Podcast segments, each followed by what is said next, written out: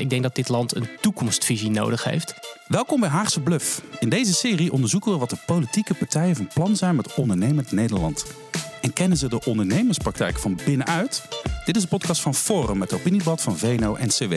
Als je dan iets innovatiefs wilt doen, iets schoons, ja, dan moet je door allerlei hoepels springen waarbij je ook niet weet of je ervoor in aanmerking komt. Co-host vandaag is Pascal Teunissen, redacteur van Forum. In deze podcast bespreken we actuele en uh, urgente ondernemersthema's met Haagse lijsttrekkers. Wat maken ze waar van hun belofte of blijft het bij Haagse bluff? Vandaag is de gast Henry Bontebal, lijsttrekker van het CDA. En we hebben afgesproken dat we mogen tutoyeren. Zeker. Dank daarvoor. Um, Henry, het is heel hard met je gegaan. Hè? Uh, krap twee jaar geleden kwam je als uh, Kamerlid binnen. En nu ben je al het uh, gezicht van het CDA. En toch wel, mag ik wel zeggen, tumultueuze tijd voor de partij ook. en nog als, als eerste in onze nieuwe podcast. hoe ervaar je dat allemaal? Een rollercoaster. Dus um, een, een paar maanden geleden was ik nog gewoon Kamerlid. Uh, en in de zomervakantie, uh, ik was in Italië. Toen kreeg ik een telefoontje of ik de car wilde trekken. En sindsdien is het eigenlijk een gekke rollercoaster... waarin ik heel hard aan het werk ben gegaan. Uh, met een klein team eigenlijk de start van de campagne hebben neergezet. zo goed mogelijk natuurlijk onszelf op de kaart hebben gezet. Ik denk dat dat goed gelukt is en, en nu door. Maar het is elke dag heel hard werken en ook heel erg leuk. Twee jaar geleden, in jouw debuut in de Kamer... was omdat jij de toen zieke Pieter zich moest vervangen. Had je toen kunnen bevroeden dat jij misschien eens een keertje aan het roer zou komen te staan? Nee, eigenlijk niet. Überhaupt? Ik had die ambitie ook helemaal niet. Ik, uh, ik uh, ben eigenlijk de, mijn ambitie toen ik de Kamer inging was gewoon: ik wil de beste energiewoordvoerder van de Tweede Kamer worden. Um, omdat ik ook gewoon heel veel passie voor dat vak had. Uh, energie en klimaat ben ik altijd mee bezig geweest. Dus dat was voor mij gewoon mijn doel. Ik wil gewoon een hele goede woordvoerder vanuit het CDA zijn. En ik wil natuurlijk heel graag ook het, het groene verhaal vanuit het CDA eh, vertellen. Ik denk dat dat onderwerp uh, nou, lange tijd niet aan ons kleefde. En nou, ik heb zelf 13 jaar in die energiesector gewerkt. En ik dacht, ik ga het CDA even een groen profiel uh, geven. Ik denk dat het aardig gelukt is. Uh, maar ik had niet bedacht dat ik uh, twee jaar later ook de kar moest gaan trekken. En nu wil je dus de beste lijsttrekker van Nederland worden. Zeker, met de beste partij van Nederland. Ja. En dan zijn twee belangrijke concurrenten, de nieuwkomers op het speelveld. Mona Keizer zit erbij, ex-CDA. Pieter Omtzigt met zijn, met zijn partij. Die doet hartstikke goed in de peilingen. Zijn CDA'ers. Wat ja, dus je, wereld is het eigenlijk. Ja, dat is het. En uh, je, de, de, positieve, de, de, positieve uitleg die je eraan kunt geven is... er is blijkbaar heel veel uh, potentie voor het CDA gedacht. Goed. Um, ik heb natuurlijk een flinke klus. Uh, ik weet ook wel waar het CDA staat. Ook um, electoraal gezien nu. Uh, maar goed, ik wist toen ik aan deze klus begon dat die heel uitdagend was. En dat is er niet minder op geworden. Uh, en tegelijkertijd ben ik er eigenlijk ook best wel hoopvol over. Voor 22 november is voor mij een tussenmoment. Um, dus ik ga keihard aan de slag om daar zo goed mogelijke uitslag uh, te, te, behalen. Maar daarna is het niet klaar. Want ik wil echt het CDA weer op de, op de, op de rails krijgen. Dit is een podcast voor ondernemers. Tenminste, we willen je ze graag voorstellen aan de politiek. Jij wil met het CDA weer terug naar de normen en waarden, heb je gezegd. alvast even een voorzetje dan geven voor de rest van de podcast. Wat voor normen en waarden denk je aan als je aan ondernemers denkt?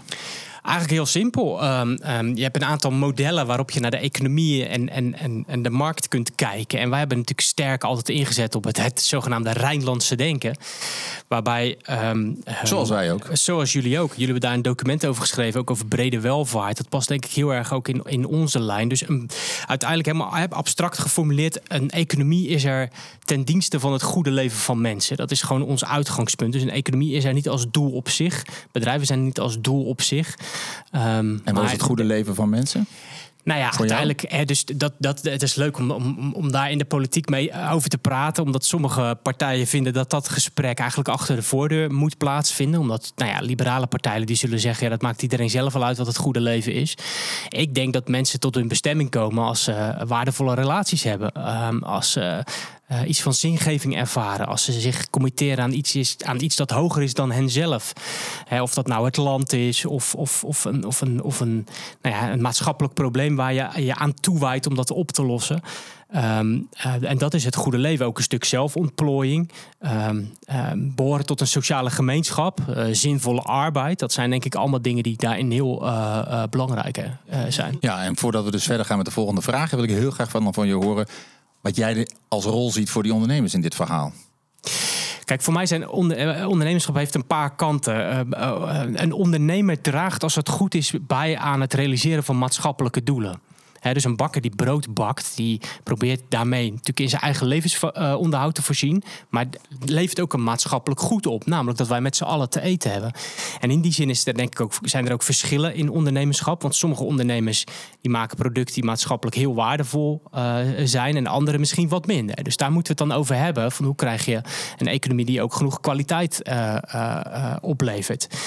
Um, marktwerking aan zich is ook helemaal niks mis mee. Dat, dat haalt denk ik ook op sommige plekken echt het beste in mensen naar boven. Mm. De, uh, het jaagt innovatie aan, het jaagt kostenbesparingen. Dat levert ook weer maatschappelijke winst op. Hè, want mensen houden dan meer geld over om in andere dingen te investeren.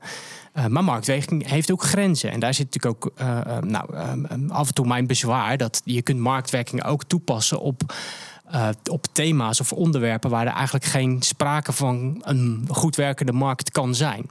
Zoals? Um, nou, bijvoorbeeld op sommige plekken in de zorg. Hè. Dus um, uh, kijk, zorg heeft in de kern gaat het om omzien naar elkaar. Uh, kwaliteit, investeren in tijd, in relaties. Dat verdraagt zich eigenlijk best wel slecht met efficiëntie.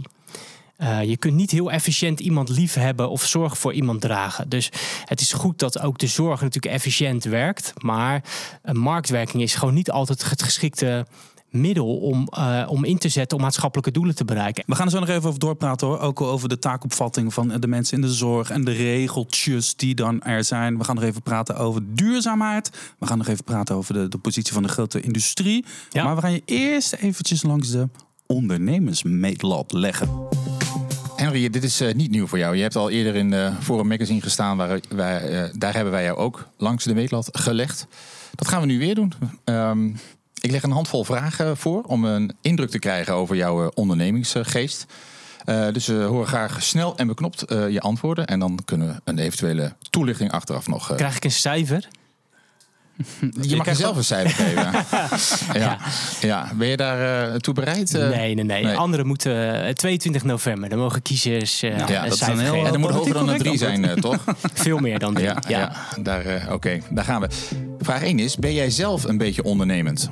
Ik denk het wel. Dat wil niet zeggen dat je gelijk een ondernemer bent. Maar dingen ondernemen, creatief zijn, nieuwe dingen verzinnen. Aan iets gaan sleuren, dat zit er wel in bij mij. Oké. Okay. Aan welke ondernemer zouden andere ondernemers een voorbeeld moeten nemen? Um, poeh, moet ik even over nadenken. Ja, dat is misschien toch de ondernemer Ruud Lubbers. Dit is wel een hele makkelijk om terug te komen op mijn, uh, een van mijn helden. Um, dat was natuurlijk een ondernemer die uiteindelijk politicus is geworden. Ja. Wat is het eerste dat jij gaat doen voor ondernemers als je het voor het zeggen krijgt?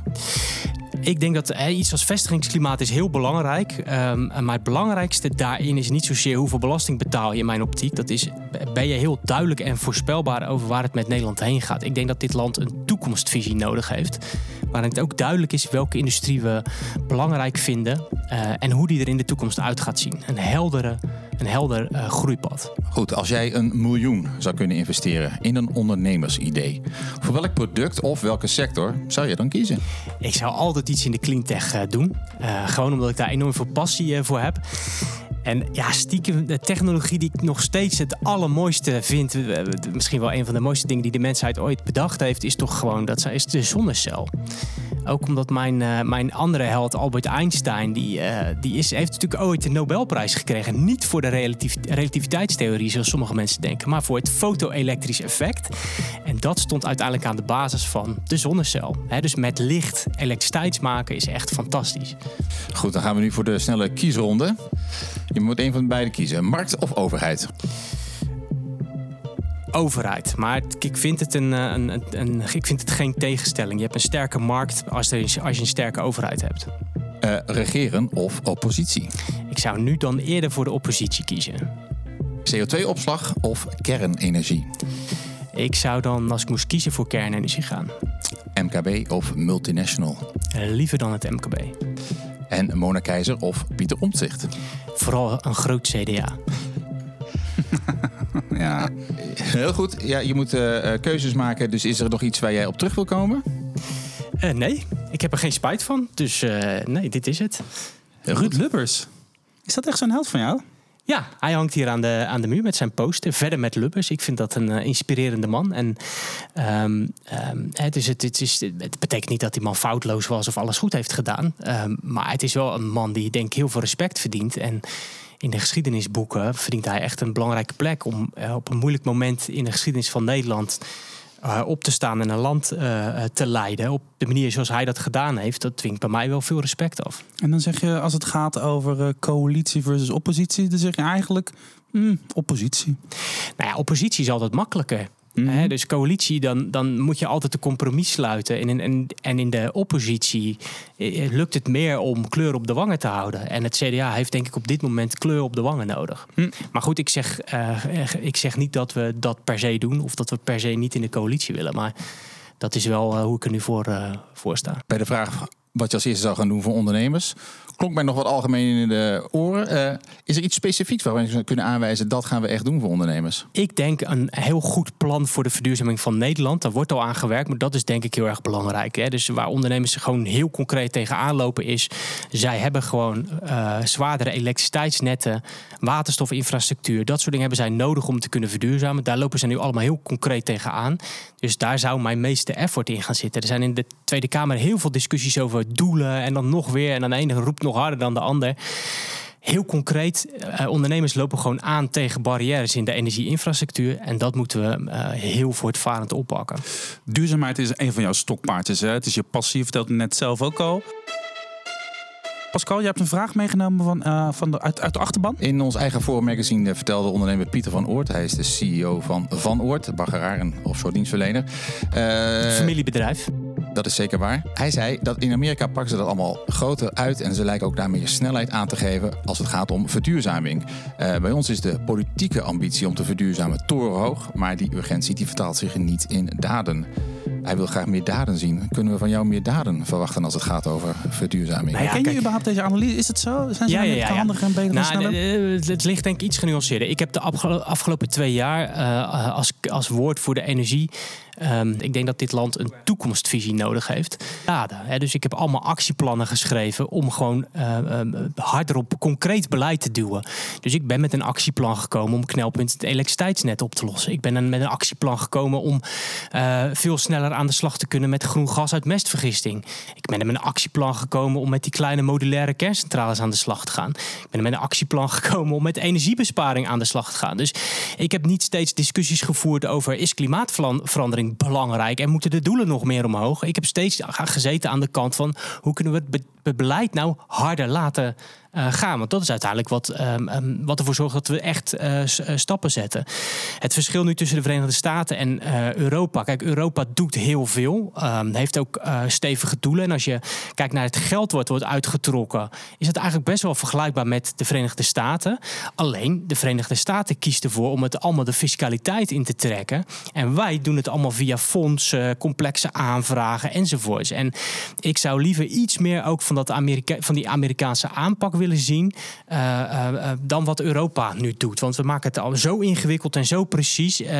Ja, zij, de, de Verenigde Staten kiezen gewoon voor iets meer grof geschut. En die trekken het eigenlijk de fiscaliteit in. maar de En je ziet dat het werkt. Belastingvoordelen. Ja, gewoon als jij een, een batterijfabriek bouwt daar, dan, dan mag je een vinkje aan, aan vinken en heb je een aan bepaalde belastingvoordelen. Dus je ziet dus dat grote bedrijven die van plan waren te investeren in schone, eh, weet ik veel, schone batterijen hebben eh, of, of, of elektrische auto's. die- Zonne-energie, al die ja, die zie, je dus, die zie je dus nu naar de Verenigde Staten trekken, om daar, omdat het daar aantrekkelijker is om te investeren. En hoe groot is die zak met geld die jij klaar hebt staan om via die Nou, die heb ik niet belastingvoordelen te geven? te, eh, staan. Die, Nou, die straks heeft- wel, als je aan de touwtjes mag trekken. ja, maar Europa heeft die al lang gewoon klaarstaan. Dus geld is helemaal niet het probleem.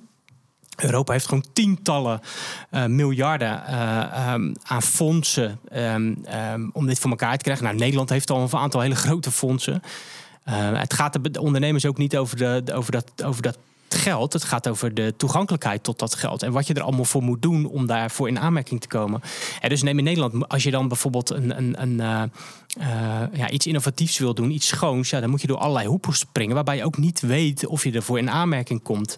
En neem het bijvoorbeeld het, eh, het, het groeifonds. Ja, dan moet er eerst een heel dik boekwerk liggen. Uh, met allemaal voorwaarden en een commissie die ernaar gaat kijken. Nou, en dan hoor je na een paar maanden hoor je of je in aanmerking komt en ook nog eens voor welk bedrag. Want je krijgt vaak niet alles in één keer. Ja, in de Verenigde Staten doen, pakken ze het anders aan. Je, je, je, je mag iets aanvinken. Als je daaraan voldoet, dan ga je bouwen. En, en je ziet dat het daar wel werkt. En jij gaat van dat dikke boekwerk straks een folder maken voor de ondernemers. Zodat ze snel aan dat geld kunnen komen. Wij willen het allemaal zo precies uh, tot op elke euro wegzetten. En ik denk dat de, de winst die je daarmee behaalt doordat je zogenaamd efficiënter zou zijn, die verlies je uh, aan de achterkant door alle administratieve lasten die we bedrijven uh, opleggen. Je ziet het aan bepaalde tenders. Als je de, de, de, de winter op zee tenders, ja, daar schrijven dan een paar partijen in. En die zijn echt maanden bezig om een, een heel goed bod neer te leggen. Met allemaal innovaties. Daar, daar gaan tonnen aan voorbereidingskosten in in. Ehm, ja, is, is dat dan allemaal goed besteed geld? Uh, moet je dan ook niet alles wat daar dan al gebeurt, toch ook op een andere manier uh, benutten? Is, is er ook bij jou een soort van stemmetje dat je zegt van ja, we gaan natuurlijk aan de overheidskant iets doen. We gaan geld klaarzetten, want dat gaan we op een andere manier tot jullie brengen, waardoor de drempel wat lager wordt. Maar wat zijn nou eigenlijk dan jouw verwachtingen, misschien wel eisen van ondernemers? Van kom op jongens, jullie moeten ook meedoen. Hoe, wat is dan je verhaal naar hen? Kijk, we hebben eigenlijk eh, als CDA, uh, daar ben ik al 2,5 jaar mee bezig, het thema groene industriepolitiek groot mhm. gemaakt. En de kern van groene industriepolitiek is dat de overheid en het bedrijfsleven dicht op elkaar gaan zitten. Wel op armlengte afstand, dus niet bij elkaar in bed, maar je leert wel van elkaar. Want zonder de kennis van het bedrijfsleven gaan we die transitie echt niet voor elkaar krijgen. Um, maar er zitten wel twee kanten aan. Dat is aan de ene kant is het een overheid die dat faciliteert, die ook keuzes maakt. Even, wat voor type industrie willen we in Nederland nou? dus dat betekent ook dat je sommige industrie misschien uitfaseert en andere industrie laat groeien. Um, en het betekent dus dat je ook um, dwingend bent in de richting die we opgaan. Door uh, het, het, het beprijzen van vervuiling enzovoorts. Dus het is wat mij betreft de combinatie van wortel en stok. En één instrument wat, wat we ook als CDA uh, eh, bedacht hebben en wat nu in het beleid uh, is omgezet, zijn die maatwerkafspraken met die grote bedrijven. En maar dat is wat, de... even, ik snap hem niet zo heel goed wat je zegt. Die, die, die moeten op arm, die moet dicht bij elkaar, ja. armlengte, dus ja. wel enige afstand.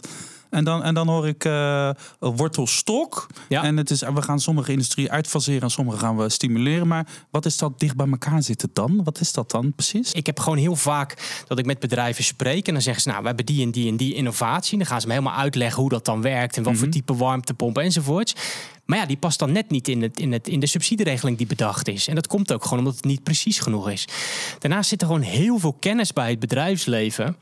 Uh, om dingen anders te doen. Maar daar willen ze in overleg met de overheid. Hè. Dus dan zeggen ze ook tegen die overheid: oké, we kunnen uh, op, het, op het gebied van die en die uitstoot fors minder. Maar dat betekent wel dat jullie die en die regel moeten aanpassen. Of die vergunningen uh, snel moeten verlenen. Dat zijn helemaal geen onredelijke eisen. Dat zijn vaak eisen om gewoon snel stappen te kunnen zetten.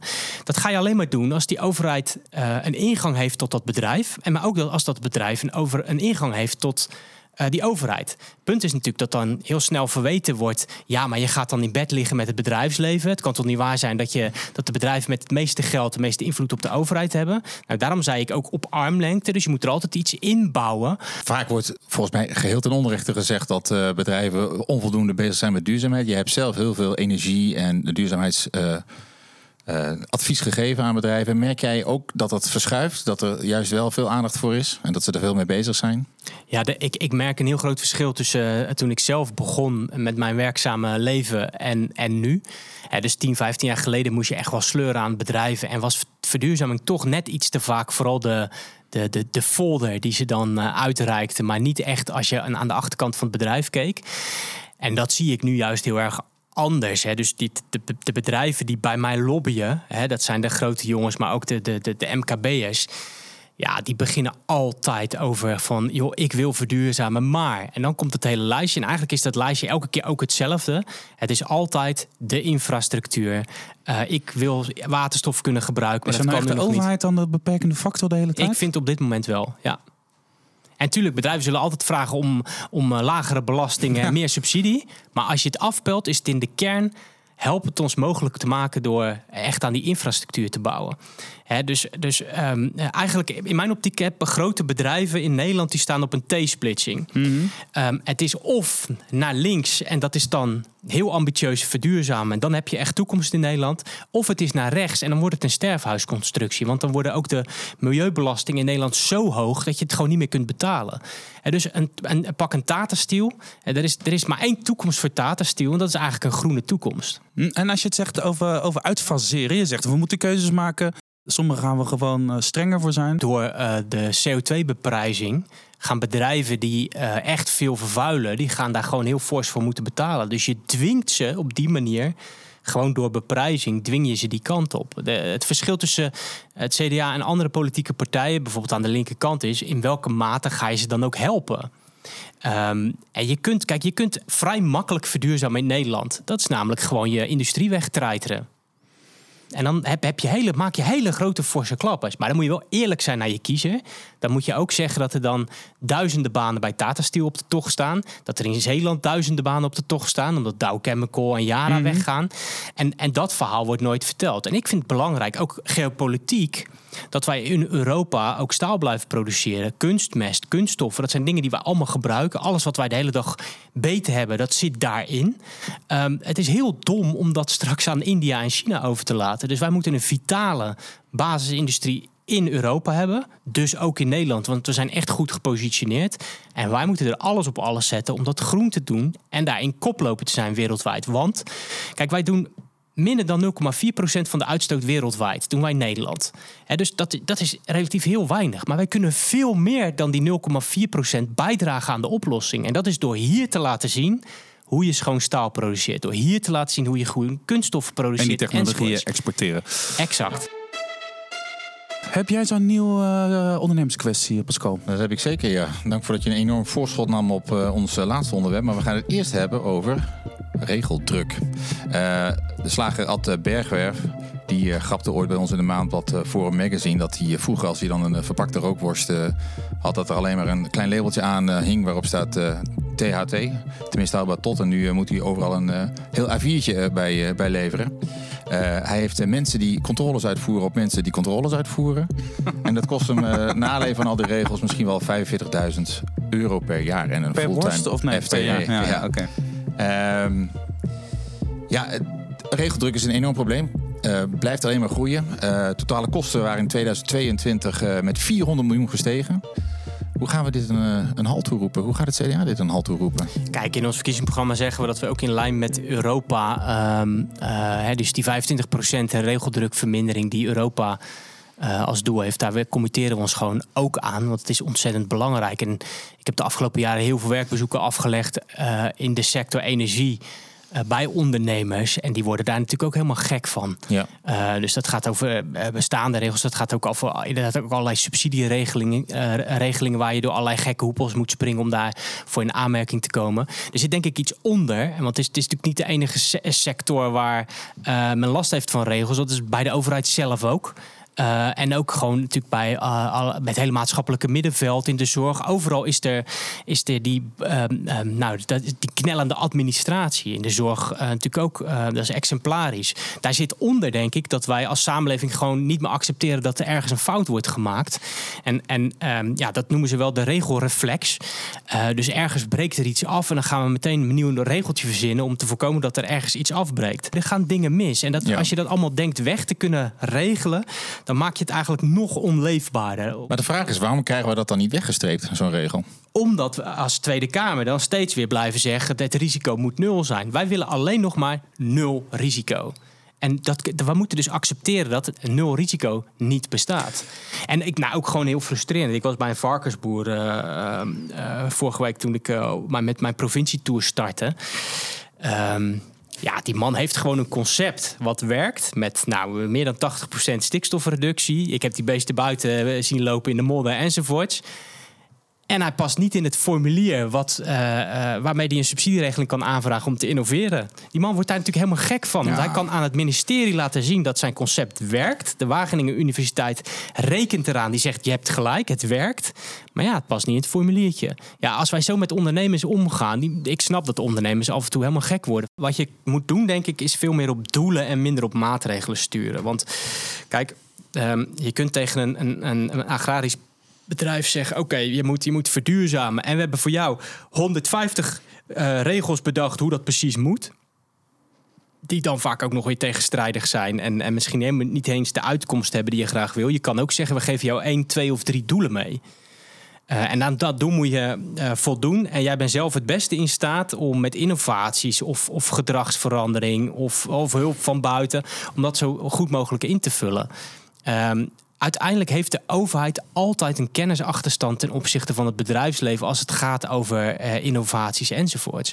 het bedrijfsleven is altijd verder en de overheid loopt vaak gewoon achter de feiten aan. Dus daarom is het al verstandig als, de, als, je als overheid zelf niet te veel achter wil lopen, om veel, veel meer met, met doelsturing te gaan werken en minder op die maatregelen te zitten. We hebben nog een thema die we aan je voor willen leggen. Ik geef je een, uh, een quote. De quote is: In de Tweede Kamer wordt best wel negatief over grote bedrijven gedacht, merk ik. Dat scoort gemakkelijk. Ik zie geen tegenstelling tussen grote en kleine bedrijven. Die vormen vaak een ecosysteem waarin ze elkaar nodig hebben. Herken je deze quote? Ik vind het een briljante quote. Ja, ja. maar herken je hem ook? Jazeker. Ja, ik heb die uh, zelf regelmatig gebruikt. Dan is mijn vraag aan jou. Krijgt de grote industrie in Nederland... wat ze in goed Nederlands een bad rap uh, noemen? Uh, en kunnen we die industrie behouden voor Nederland? Wat gaan we eraan doen om dat te doen? Ik denk dat we die industrie moeten behouden voor Nederland. Uh, uh, sterker nog, ik denk dat we dat kunnen doen op een hele groene manier. En dat we de bedrijven samen met die bedrijven uh, um, ja, moeten verduurzamen. Ik denk dat dat kan. Ik denk dat wij alles in Nederland in huis hebben om dat te kunnen. We hebben de beste kennisinstellingen ter wereld. We hebben een goed opgeleide bevolking. We hebben goede infrastructuur als wij echt uh, uh, de industrie en de bedrijvigheid weer tot de top willen laten horen, ook op het gebied van verduurzaming, dan kan dat. En ik zie inderdaad geen tegenstelling. Ik ben enorm fan van het MKB en van familiebedrijven. Um, maar die, dat, die vormen toch vaak een ecosysteem met die grotere bedrijven. He, want, want de ene maakt uh, specifieke rubberen dopjes en die gaan dan weer naar dat bedrijf. Ik vind zelf zo'n zo, zo cluster als, als uh, Camelot in Limburg, daar zie je dat heel erg sterk. Hè. Er zijn een paar, ik geloof maar twee echt hele grote uh, bedrijven. En de ja. rest is allemaal wat daar omheen hangt. En het levert dan weer materialen of het neemt die materialen af. En dat, dat zijn ecosystemen. En um, ik vind het ook heel naïef van sommige partijen om te denken dat als je één bedrijf daar uittrekt, dat, dat dat cluster wel dan doorgaat. Nee, dat, dat zo'n cluster is echt afhankelijk ook van een aantal van die grote spelers. Ja, maar even over die grote bedrijven. Want um, ze hebben het tijd tegen qua ja. uh, maatschappelijke meningsvorming. Uh, zelf heb jij bijvoorbeeld ook op Twitter uh, niet zo heel lang geleden een redelijk lang draadje gehad over waarin je uitlegde waarom je vond dat er bijvoorbeeld Extinction Rebellion misschien de berekeningen anders zou moeten doen. Ja. jij vindt dat, zij, de, dat ze er niet helemaal goed in gaan.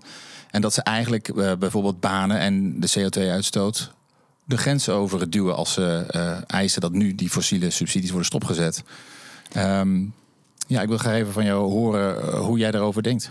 Kijk, het is heel realistisch om te zeggen dat op het moment dat je nu uh, bepaalde vrijstellingen of, of lagere energiebelasting, als je die meteen zou aanpassen, dan um, gaan de een aantal grote bedrijven zullen ook meteen hun productie uh, verplaatsen. Dat hebben we de afgelopen tijd. Ja, ja, ook hebben, dat hebben we de afgelopen tijd gewoon al, al lang gezien, namelijk tijdens de, de gascrisis.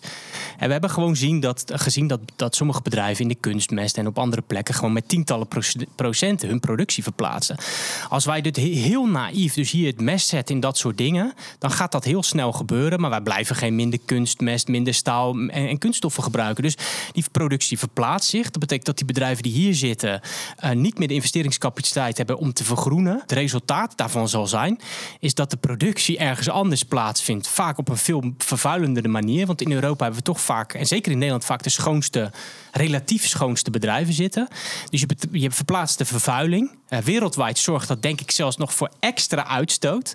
Um, en, we, en we hebben een stuk verdienvermogen raken we kwijt. Namelijk gewoon de investeringscapaciteit om uh, te verduurzamen. Want die bedrijven die zijn hier en die hebben soms miljarden in die plants, in die fabrieken uh, gestoken. Als het je echt menens is met klimaatverandering, dan volg je de route van het CDA, namelijk via groene industriepolitiek. Met kernenergie, zeg ik dan ook gelijk even tegen alle NGO's. Ja, die kernenergie, dat is ook een dingetje van jou, hè? Daar heb je een soort persoonlijke missie van gemaakt. Nou, ook. niet ik vind, ik, dus ik ben erg voorstander van duurzame energiebronnen. Het is nog niet zo heel erg lang geleden dat dat echt nog wel een beetje een taboe was. Maar ja, en ik, ik merk dat dat veel minder een taboe was. Ik zie deze 60, die heeft daar een beweging nu op gemaakt met Rob. Dat vind ik ook heel goed. Rob Jet, die, die, die echt ook pragmatisch de afgelopen jaren eh, eh, met verduurzaming bezig eh, is geweest. Dus dat vind ik eh, heel goed.